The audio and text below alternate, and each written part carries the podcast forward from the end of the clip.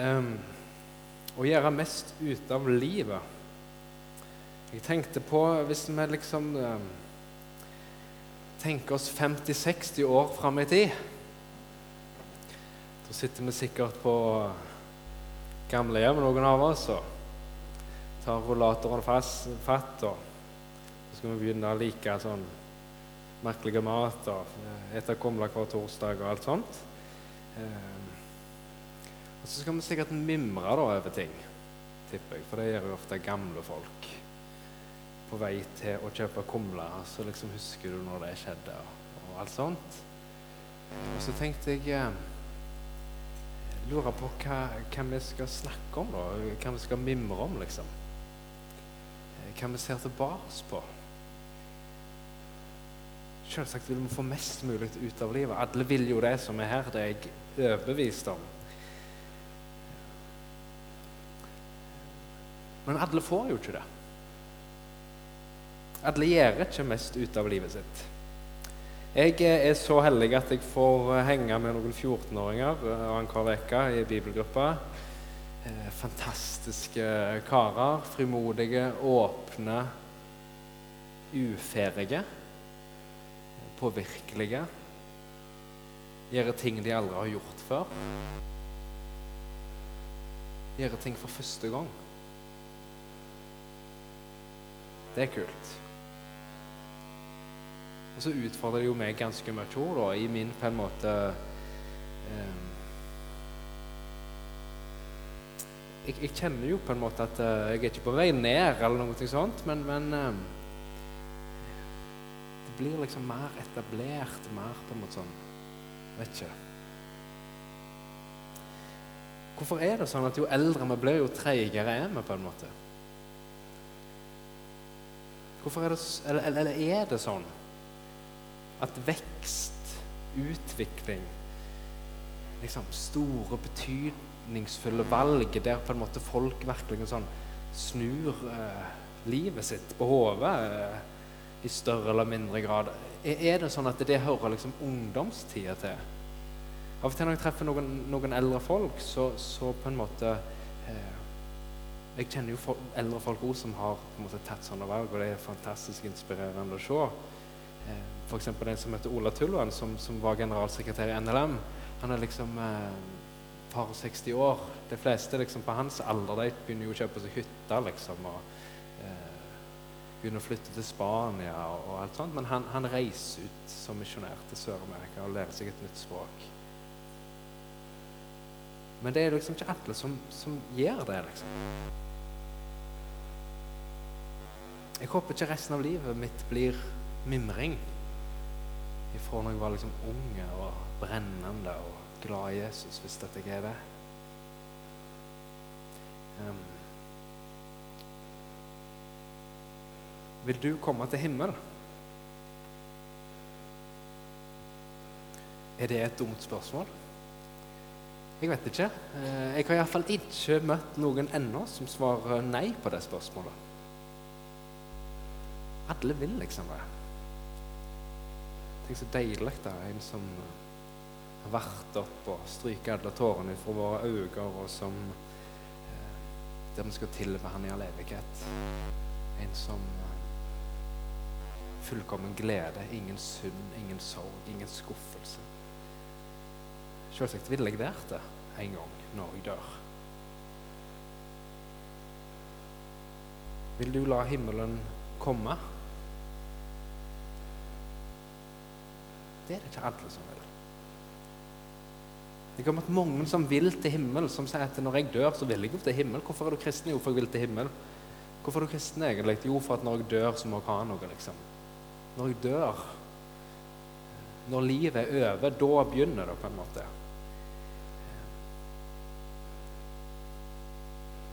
Men det var jo det Jesus lærte oss å be, faktisk. Han lærte oss å be 'la ditt rike komme'. Han lærte seg ikke å be 'la meg få komme til himmelen når jeg dør'. 'La meg få leve livet mitt akkurat sånn som jeg vil fram til jeg dør', men da kan jeg liksom begynne med religionen min. Det er jo himla behagelig å ha en religion, ha en tru som starter når livet er over. Da risikerer du iallfall ingenting. La ditt rike komme. Hans rike, himlenes rike, Guds rike, det er der hans vilje regjerer. Der han er herre, der han er majestet, der han er konge.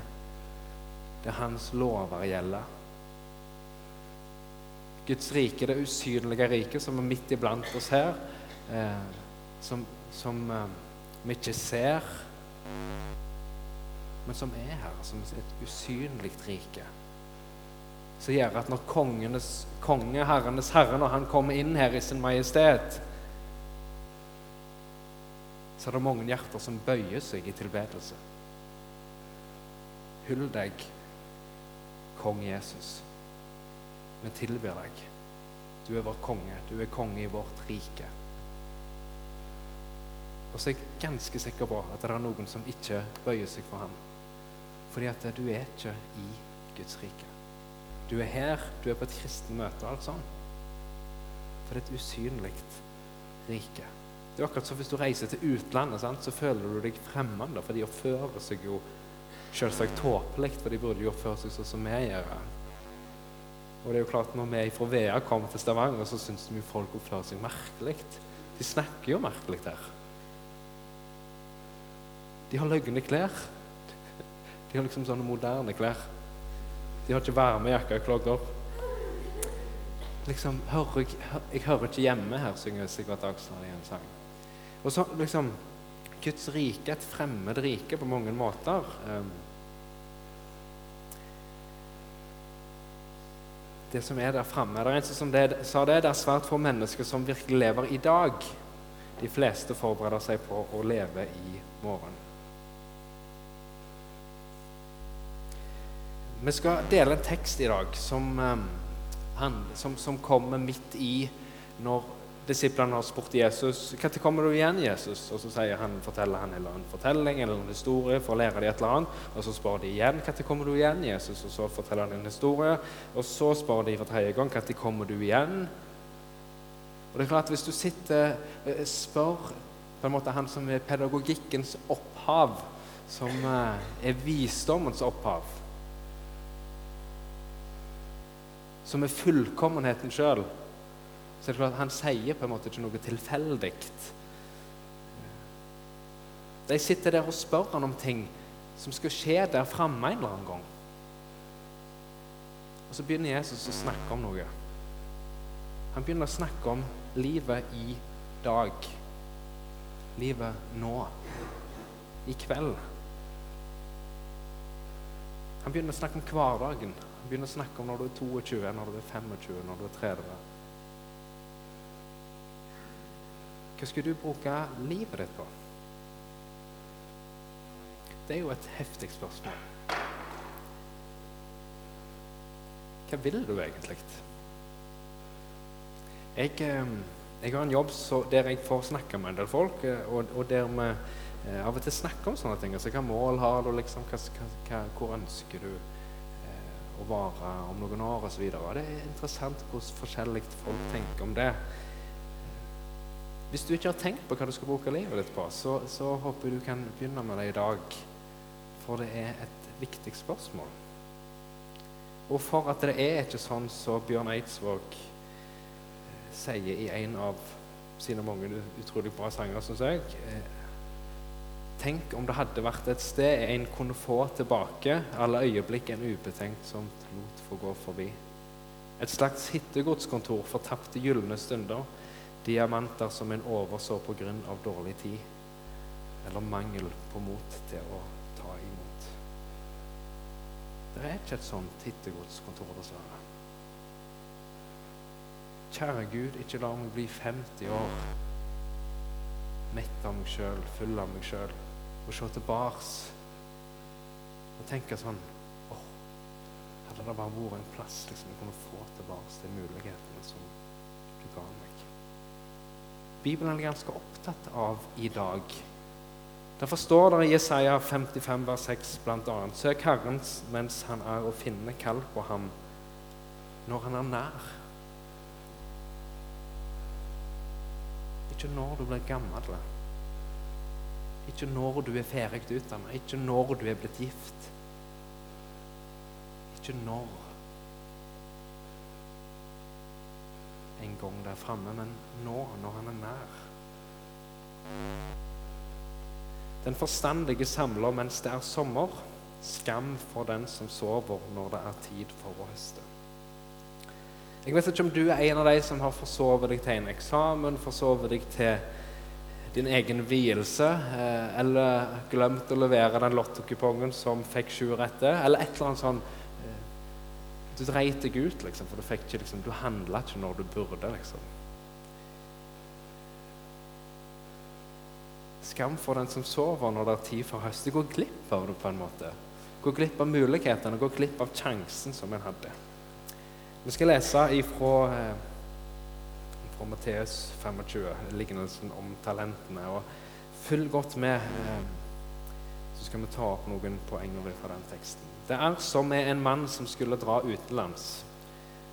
Han kalte til seg tjenerne sine og overlot dem alt han eide. En gav ham fem talenter, en annen to og en tredje en talent.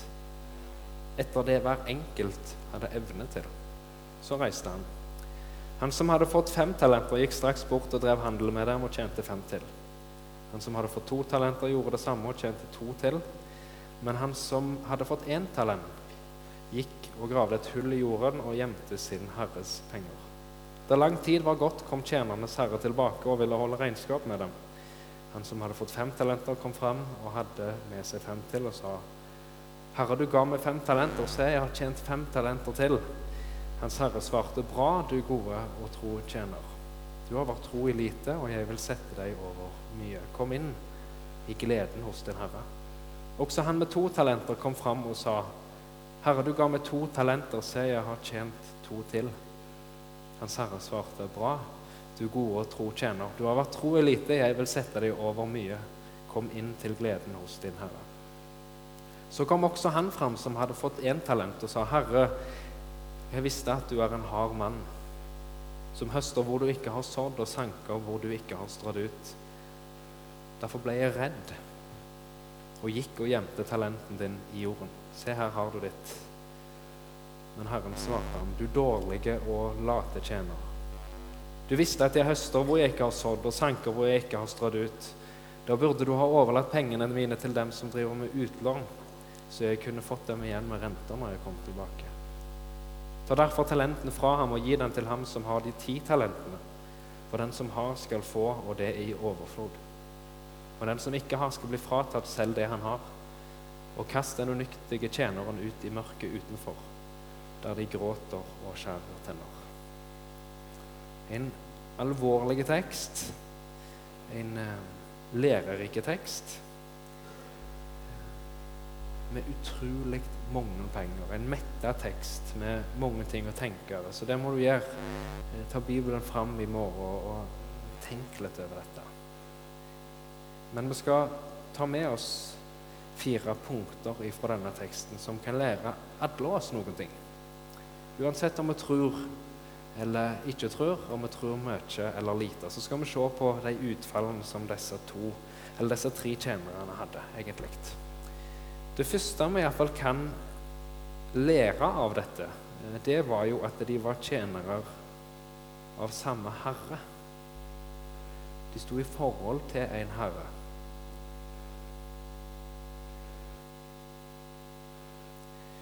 Hvordan kan det ha seg at folk med samme Herre kan eh, ta så ulike valg. Ordet 'tjener', som vi møter i teksten, eh, som er 'dulos', tror jeg på, på grunnteksten, det kan oversettes med 'slave'. altså Da, da snakker vi jo om Han kalte fram tjenerne sine som noen sånne som går på autopilot, som ikke har egne meninger, men som kun på en måte handler på det. Eh, men det kan òg bety medarbeider eller ansatt. Det er tydelig at dette er jo noen personer som, som denne Herren gir ganske mye tillit. Men viljen til Herren var det som de skulle forvalte. Og det var Herren deres vilje som skulle være deres vilje. Han sa ikke 'her har dere de talentene, gjør hva du vil med dem'. Han sa at de skulle forvalte dem. Herren deres.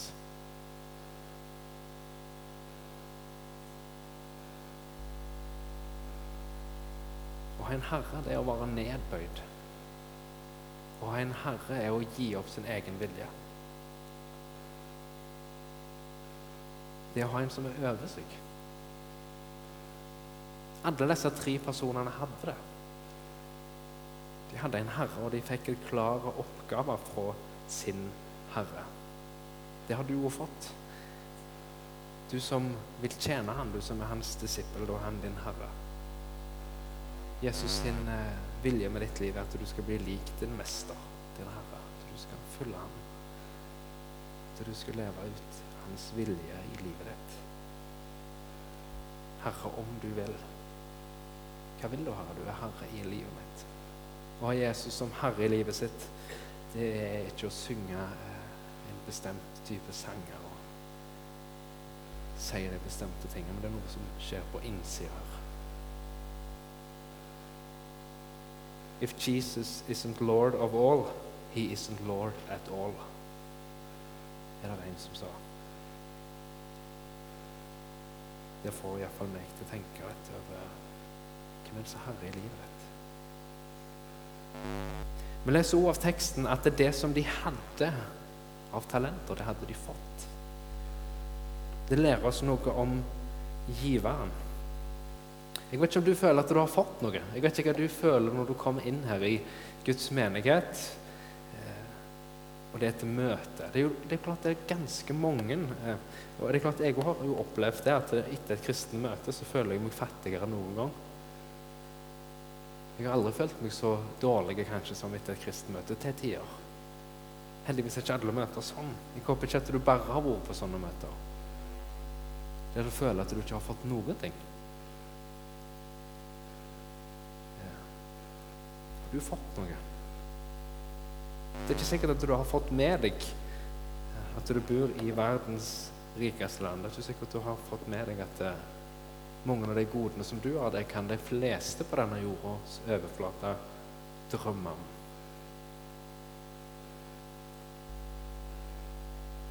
Um, og disse tre som vi møter her, de jo fikk mye talenter, som det står om her. De fikk, fikk utdelt talenter. Talenter er et mål på vekt. Uh, sånn gammel måte å si det på. De ble utdelt ulik størrelse av verdier. Og så var det sikkert sølvpenger eller noe sånt. Én fikk mye, én fikk litt mindre, og én fikk minst av de tre. Men alle fikk mye. Hvis du regner det om i summer, så snakker vi om titalls millioner norske kroner eh, i dag. Så alle fikk mye. Men hvorfor har vi fått mye, eller hvorfor har du fått mye? Eh, eller lite, hvis du føler det. Jeg tror iallfall uansett, vi som bor i dette landet her, med, sånn generelt sett. Jeg er helt sikker på at det er noen her inne som ikke føler at de har fått tatt del i alt dette. Eh, og Da snakker jeg selvsagt ikke om deg, for det er mange som ikke har det godt i Norge. Men de aller fleste er iallfall født inn til tusenvis av muligheter. Og det eneste du gjør, er å bli født. Hvorfor er jeg født? Lurer jeg av og til på. Det er jo ingen jeg kan spørre, for det er liksom ingen som kan svare på det. Hvorfor er jeg liksom Hvorfor er ikke jeg født og oppvokst i Afghanistan? Hvorfor ble ikke hele familien min forfulgt? Hvorfor får jeg utdanning? Hvorfor kan jeg lese? Jeg vet ikke om du tar det bare for gitt. Nei, det bare er sånn det er, liksom. Sånn er det. Bibelen forteller oss jo en andre ting om alt vi har fått. Og Her kan vi ta inn mange ting. Her kan vi ta inn alt som du er god på. Senere i kveld skal dere få høre en konsert med noen som er utrolig gode på det de gjør. De er flinke, de er dyktige, og det er ja, bra folk. De er begava, flere av dem, eller alle av dem. Mange er begava. Mange har fått mange talenter. I, ord, i, I, den måten vi bruker det ordet til daglig. Du føler kanskje at du er talentfull eller flink. eller et eller annet sånt. Hva forteller Bibelen om folk som har fått noen ting? Hvem gir vel deg forrang? Hva har vel du som du ikke har fått? Men har du fått det, hvorfor roser du deg som om du ikke har fått det? Altså, det som jeg har fått, det som jeg er, det som jeg har av evner, det som jeg har av muligheter, det er ikke min eiendom. Det er ikke fordi jeg fortjener det. Det er ikke fordi jeg har fått det til. Det er gitt til meg ifra giveren. Han som har gitt alt. Og det er klart det var noen som hadde glemt det. Korintermenighet hadde glemt det. De regna jo med at det var fordi de var flinke, fordi de hadde fortjent og fordi de var på en måte blant eliten. Så minner Paulus dem på det som du har. Hva har du egentlig gjort for å få det? Har fått det. Så leser vi at de var forskjellige. Vi leser at de var ulike, fikk ulikt å forvalte. Og det lærer oss noe om forskjellighet. Det sto at det ble delt ut etter det hver enkelt hadde evne til. Det er faktisk en utrolig befriende sannhet. At vi er skapt forskjellige. Og at vi kan få lov å akseptere det. At vi har ulike muligheter.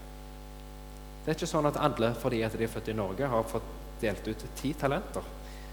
Vi er forskjellige inne i denne salen her. Hva lærer vi av det?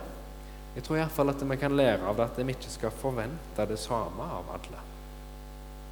At vi ikke skal forvente det samme av andre som vi forventer av oss sjøl, f.eks. For, eksempel. for det er jo litt det gjør. Når en er en person som alltid kommer på tida, f.eks., så er det jo lett å forvente at alle andre burde gjort det òg. Hvis en har lett for å lære seg noe, og så er det ingen andre som lærer det, så er det klart en kan bli irritert på det. Men alle var forskjellige. De fikk utdelt forskjellig. Noen har bedre forutsetninger enn andre. Og Det som er utrolig flott, da, det er jo at den teksten lærer oss at det som du skal leve opp til, det er etter forventningene som Gud har til deg. Han har ikke kollektive forventninger. Han forventer ikke det samme av alle oss som er her. Du må prøve på en måte å passe inn i det idealet som Gud har skapt deg for. Du skal ikke gå inn i noen andre sine sko, du skal ikke ta på deg noen andres rolle. liksom Hoppe etter Wirkola, liksom, hvordan skal klare å bli sånn som han, liksom, for han er jo sånn og sånn. Du skal leve ut ditt potensial, og det du er skapt til. Du skal slippe å leve opp til etternavnet som du har. Du skal slippe å leve opp til vervet du har, nødvendigvis, som du gjerne ikke passer til engang. Du skal slippe å leve opp til det som kosekomiteen vil at alle skal gjøre. liksom sånt. Ikke at du skal ikke være en koselig person, men poenget mitt er at du skal leve opp til det som Gud har gitt deg. Frykt han mer eller hva du frykter den andre. Bli mer opptatt av hva forventer Gud av meg, altså for å bli så opptatt av hva alle andre forventer av deg. Hvis du er en femmer, hvis du har fått fem talenter, så forventer Gud at du skal forvalte fem, ikke én. Hvis du, er en, hvis du er en einer, altså en som har fått ett talent, minst av alle, så det er ikke sånn at ja, ja, da er det, det er ikke så nøye med det lille der, liksom. Men han forventer du skal forvalte det òg. Ikke mer, ikke mindre. Og så måtte de stå til regnskap. Da lang tid var gått, kom tjenernes herre tilbake og ville holde regnskap med dem. Da, klart, da, hadde han tenkt å gå gjennom her. på en måte. Hva hadde de investert, hvordan hadde de gjort det, hva valg hadde de tatt? Og sikkert diskutere det med dem i forhold til hvordan de hadde forvalta de pengene de hadde fått. I dette tilfellet var det jo penger. Men det er et bilde på alt vi har, alt vi er. Vår egen person, vår egen tid, evnene våre. Skulle holde regnskap med dem. Det lærer oss noe om ansvarlighet. Du er ansvarlig for livet ditt, faktisk. Det vet du jo himla godt. For det vet du hver dag du går på jobb, og hver dag du går på skolen, så vet du at det, du kan liksom ikke skylde på noen andre. Det er jo ditt liv. Vi kan jo gjerne si eh, det ble bare sånn, liksom. Eller 'jeg fikk ikke tid'. Ja, vi er jo liksom sånn. Jeg er ikke noe mer enn andre. Masse sånne ord og begreper og uttrykk som vi bruker, som gjerne egentlig sier eh, at eh, 'jeg vil ikke ta ansvar for livet mitt'. Jeg fikk ikke tid. Da høres det ut som på en måte det ikke var din feil i det hele tatt. Da var det jo på en måte tida sin feil som ikke kom til deg på en passende måte. Jeg fikk ikke tid til det. Ansvarlighet. Jeg bare er sånn, jeg. Liksom Gjengen min er så Jeg er liksom ikke typen til det. Jeg er ikke en sånn raddis-type, eller jeg er ikke en sånn type som ber liksom høyt eller sånn voldsom. Jeg liksom syns det er Og det er greit, det, men du må stå til ansvar for det. Du må ta ansvar for livet ditt. Det er faktisk en kristen ting, en kristen greie, å forvalte livet sitt på en god måte. Tre tjenere, fire felles virkeligheter som vi har sett på som de levde i og levde under, og som vi lever under. Og så får det to så utrolig forskjellige utfall. To av disse tjenerne hadde fått ulikt, det jo. De hadde ulike muligheter, ulike forutsetninger. Men de forsto noe. De forsto de fire tingene. De forsto at de sto i forhold til en herre. De forsto at de sto i forhold til en giver. Og derfor måtte forvalte det, for de hadde fått det. De forsto at folk var forskjellige, men de forsto at jeg må se på mitt liv. Så forsto de at jeg må være ansvarlig for dette. For min Herre har gitt meg det oppdraget. Og så forvalter de, da. Så det er sikkert ørten muligheter, ørten alternativer.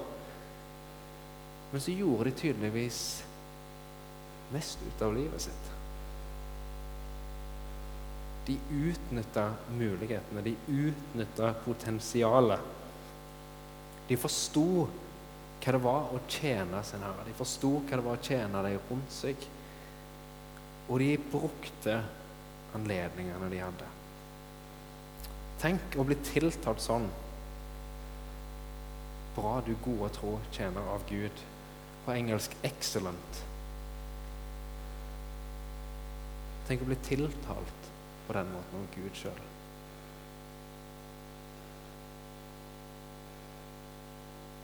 Han som har skapt himmel og jord, han som tar deg med på en spasertur, viser deg universet. Han som hvert kne skal bøye seg for. Han som for hver, hver tunge skal bekjenne at han er Herre. Og så sier han til deg Bra. Du gode tro tjener. Du har vært tro i smått. Jeg skal sette deg over mye. Kom inn her. Del gleden med meg. Tenk at Gud faktisk har en sånn side jeg vet ikke om du har merka det, jeg vet ikke om du har opplevd det, jeg vet ikke om du har tenkt at Gud kan si sånne ting til deg. Kanskje du tenker at Gud bare er jo han som sier når du går på trynet. Gud er jo han litt sånn lunefulle typen som alltid er der når du ikke fikk det til. Bra. Du gode og tro tjener. Så bra du gjorde det. Ikke om det sitter en liten unge Jeg skal bli pappa i sommer. Jeg gleder meg og gruer meg. Men jeg gleder meg til eh, mange ting. Jeg gleder meg til en gang dattera mi skal rope eh, på meg, og, og, for at du vil jeg skal se ting som hun gjør. liksom. Se, pappa, liksom. Se hva jeg gjør nå. Se nå. Liksom, oh, en blyant. Liksom. Se, pappa. Se, se på meg. Se hva jeg gjør nå. Og den tilfredsstillelsen uten sidestykke ved å forstå og erfare og høre ifra pappen sin Så flink du er. Så bra. Vi kryr deg. Og vi er jo sånn, vi òg, da. Uansett hvor gamle vi er.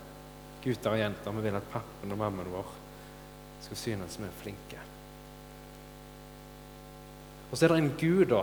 En herre, en tjener. En, en som vi tjener, og som har skapt og som har gitt oss alt vi har.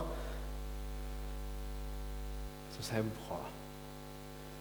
Det er et mulig utfall på livet. Det å bli ønsket velkommen når han kommer igjen, og du skal møte han, og han kan si Bra.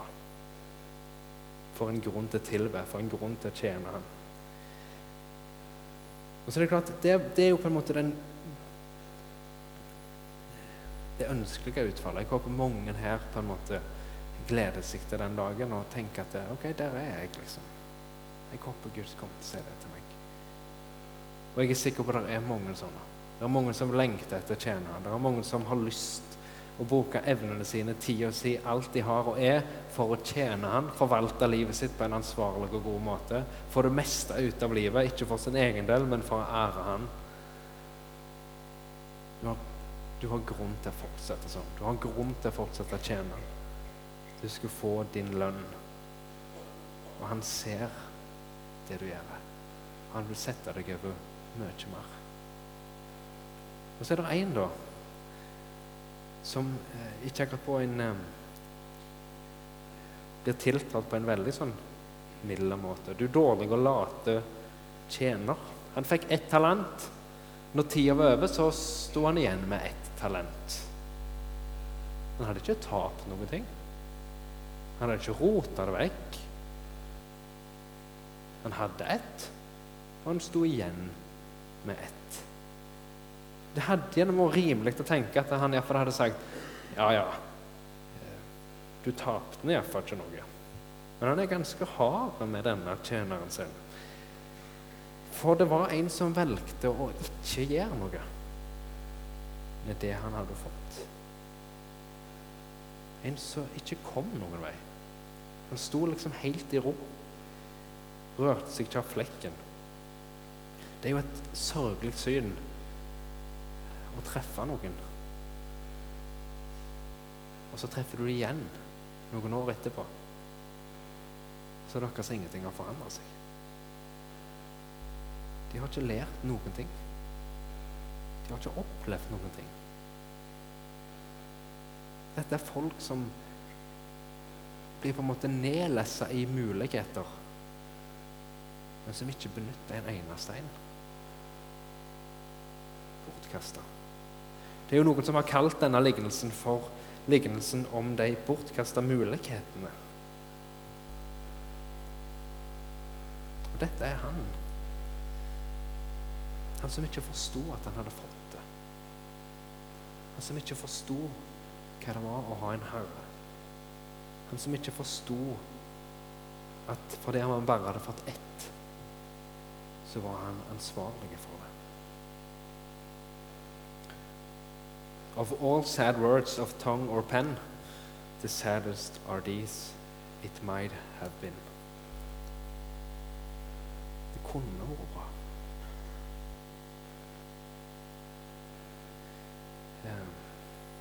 Han hadde jo en han hadde jo en lang unnskyldning, en god forklaring.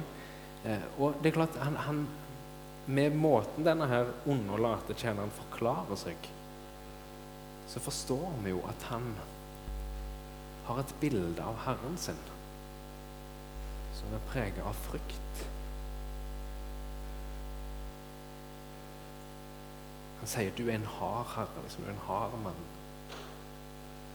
Mens de andre hadde lyst til å tjene, gjøre det beste ut av det, investere. Det er klart De tok jo risiko. De tok risiko. For det må du for å få fortjeneste men de gjorde det likevel. Men han undervurderer jo sin herre totalt. Han sier at du er en hard herre, du høster der du ikke sår. Altså du, du tar ting som ikke er ditt. Og han har ikke kjærlighet til Herren sin. Han er styrt av sin frykt, sin redsel, sin likegyldighet. De to andre det var eksempler på disipler som tjener Gud. Og det er disipler som elsker. De som tjener Gud, det er folk som elsker ham. Å tjene og elske er på en måte innside av samme sak. De følger alltid hverandre. Folk som elsker Jesus, de tjener Jesus. Bibelen kjenner ikke til et annet alternativ enn det. Hva skal vi gjøre? liksom? Har vi unnskyldning? Jeg vet ikke hva du tenker inni deg nå. Håper du har tenkt litt over livet ditt i løpet av disse minuttene. her. Håper du kan bruke noen minutter å tenke over Gud, hva har du gitt meg? Hvordan skal jeg få mest ut av livet? Og når jeg sier 'hvordan skal du få mest ut av livet', så tenker jeg selvsagt ikke på denne måten som verden forteller deg. Da handler det ikke om å bruke mest mulig på deg sjøl, på dine lyster, og bare handle på impuls. Gjøre nedbrytende ting, forkaste alt som heter moral og etikk. Men det handler om å leve og gjøre mest ut av livet som en tjener av en herre. Det er alltid en unnskyldning. Det er alltid en grunn til å være. Det er klart han tjeneren Det var ikke sånn at han sikkert bestemte seg for Ok, nå reiser han, liksom. Han kommer sikkert tilbake en gang. Um, jeg bare ikke bryr meg, jeg. Det ble sikkert bare sånn. Tipper jeg.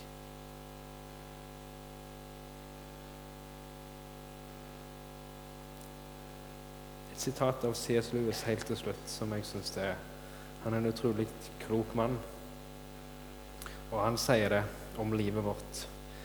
We are always falling in love or quarreling, looking for jobs or fearing to lose them, getting ill and recovering, following public affairs. If we let ourselves, we shall always be waiting for some distraction or other to end before we can really get down to our work. The only people who achieve much are those who want knowledge so badly that they seek it while the conditions are still unfavorable. Favorable conditions never come. Hva venter du på, egentlig? Hva er du skal begynne å gjøre det meste av livet ditt? Han har skapt deg. Han har gitt deg alt som du har.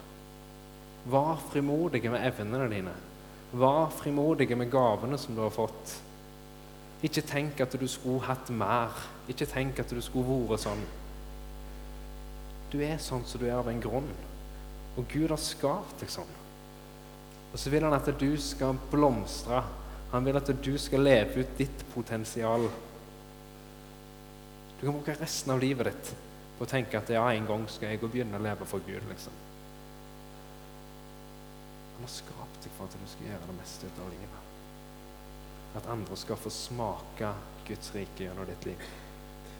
At andre skal få erfare Han gjennom at du forvalter livet ditt. Å forvalte er å ta valg. Å forvalte er å overgi seg. Å forvalte er å hengi sitt eget liv, sin egen vilje til hans. Å forvalte er å si på en måte Du har skapt meg, du har gitt meg alt som jeg har og er. For et ansvar, for en tillit. Takk for alt du har gitt meg. Og så leve det ut. Få det meste ut av det. Og om 60 år, da Vi eter kumler vår på torsdag og gleder oss til medisterkaken i morgen. Så kan vi sitte der. Så kan vi glede oss. For det er en som kommer til å si Bra. Du gode trotjener. Jeg håper at du ikke ser til vars og tenker på alt som skulle ha vært. Men at du lever livet ditt sånn som han vil du skal. Amen.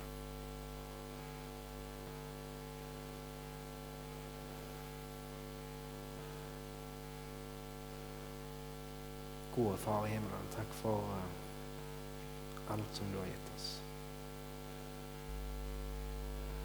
Takk for at vi har overflod. Takk for alle mulighetene du gir oss. Takk at du har skapt oss forskjellige. Takk at du forventer ikke av oss mer enn hva vi er i stand til. Herre, vi har lyst til å overgi oss til deg. Du har gitt oss hendene våre, gitt oss ørene våre, øynene, tanken vår, intelligensen vår. Om vi er flinke eller om vi ikke er fullt så flinke. Herre, lær oss å forvalte livet vårt rett. Lær oss å gjøre mest ut av livet. Oss våre gode tjenere